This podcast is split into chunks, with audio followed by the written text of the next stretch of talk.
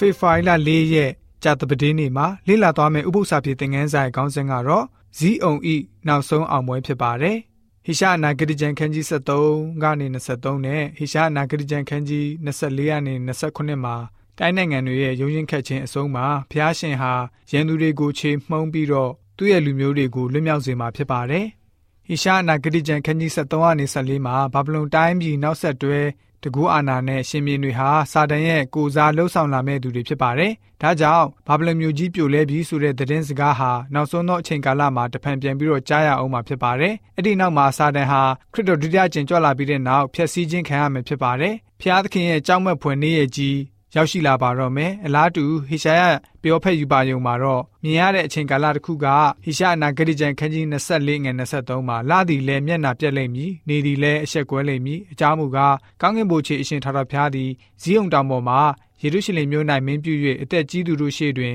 ဘုံကြီးတော်မူလက်တန်းဆိုပြီးတော့ဖော်ပြထားပါတယ်ဟေရှာယဟာတန်တရားစိတ်ကင်းစွာနဲ့သူရင်းနှီးတဲ့ယေရုရှလင်မြို့မှာပဲပြည့်စုံလိမ့်မယ်လို့ယုံကြည်ခဲ့ပါတယ် သို့တော့ဗျာဒိတ်ကျမ်းကယေရုရှလင်မြို့တစ်ဖြစ်မယ်လို့ဖော်ပြထားပါတယ်။ဗျာဒိတ်ကျမ်းခန်းကြီး21ငွေ23မှာထိုမြို့သည်နေဤအယောင်လဤအယောင်ကိုအလိုမရှိအကြောင်းမူကားဘုရားသခင်ဤဘုန်းတော်သည်ထိုမြို့ကိုလင်းစေ၏တိုးတငယ်သည်လည်းထိုမြို့ဤစီမီဖြစ်၏ဆိုပြီးတော့ဖော်ပြထားပါတယ်။ဘုရားရှင်ဟာလူဆိုးတွေကိုတကယ်ဖျက်ဆီးပါသလား။ဟေရှာအနာဂရိကျမ်းခန်းကြီး28ငွေ21ကိုကြည့်ပါမယ်။ထာဝရဘုရား၏အမှုတော်ဒီဟုသောထူးခြားသောအမှုတော်ကိုပြုခြင်းက၎င်း အလုတ်တော်ဒီဟုသောလုံမြဲမဟုတ်သောအလုတ်တော်ကိုလက်ဆက်သက်ခြင်းက၎င်းပြရစိန်တောင်ပေါ်မှာပြုတကဲ့သို့ထတော်မူမည်ဂီးပေါင်ဂျိုင်းထဲမှာရှိတကဲ့သို့အမျက်ထွက်တော်မူမည်ဆိုပြီးတော့ဖော်ပြထားပါတယ်ဖျားရှင်ဟာဖြည့်ဆည်းခြင်းအမှုကိုပြုတော်မူတဲ့အခါမှာထူးခြားလာပါတယ်။ဖျားရှင်အတွက်ထူးခြားခြင်းဖြစ်ပါတယ်။အကြောင်းကတော့ဖျားရှင်ဟာလုံးဝမပြုလို့တဲ့အတွက်ကြောင့်ဖြစ်ပါတယ်။ဒါပေမဲ့ပြုလုပ်ရမှာဖြစ်ပါတယ်။အပြစ်ဟာမိမိကိုယ်ကိုဖျက်ဆီးစေတဲ့မျိုးစေ့ကိုတည်ဆောင်ပါတယ်။ဒါပေမဲ့ဖျားရှင်ဟာတည်ခြင်းနဲ့အသက်ရှင်ခြင်းကိုအစိုးရတော်မူပါတယ်။ အချိန်ကိုချိန်ချက်တော်မူပါတယ်။နေရာနဲ့ပြုတော်မူမှာဖြစ်ပါတယ်။နောက်ဆုံးဖြည့်ဆည်းခြင်းကိုကောင်းစွာသတ်မှတ်ထားပါတယ်။အပြစ်ကိုတုတ်တင်ပယ်ရှင်းတဲ့နေရာမှာဇောရကတက်ဖို့အကြောင်းမရှိနိုင်ပါဘူး။အကျိုးနဲ့အကြောင်းမှန်သမျှကိုဘုရားရှင်ခွင့်ပြုတော်မူပြီးဖြစ်တဲ့အတွက်ကြောင့်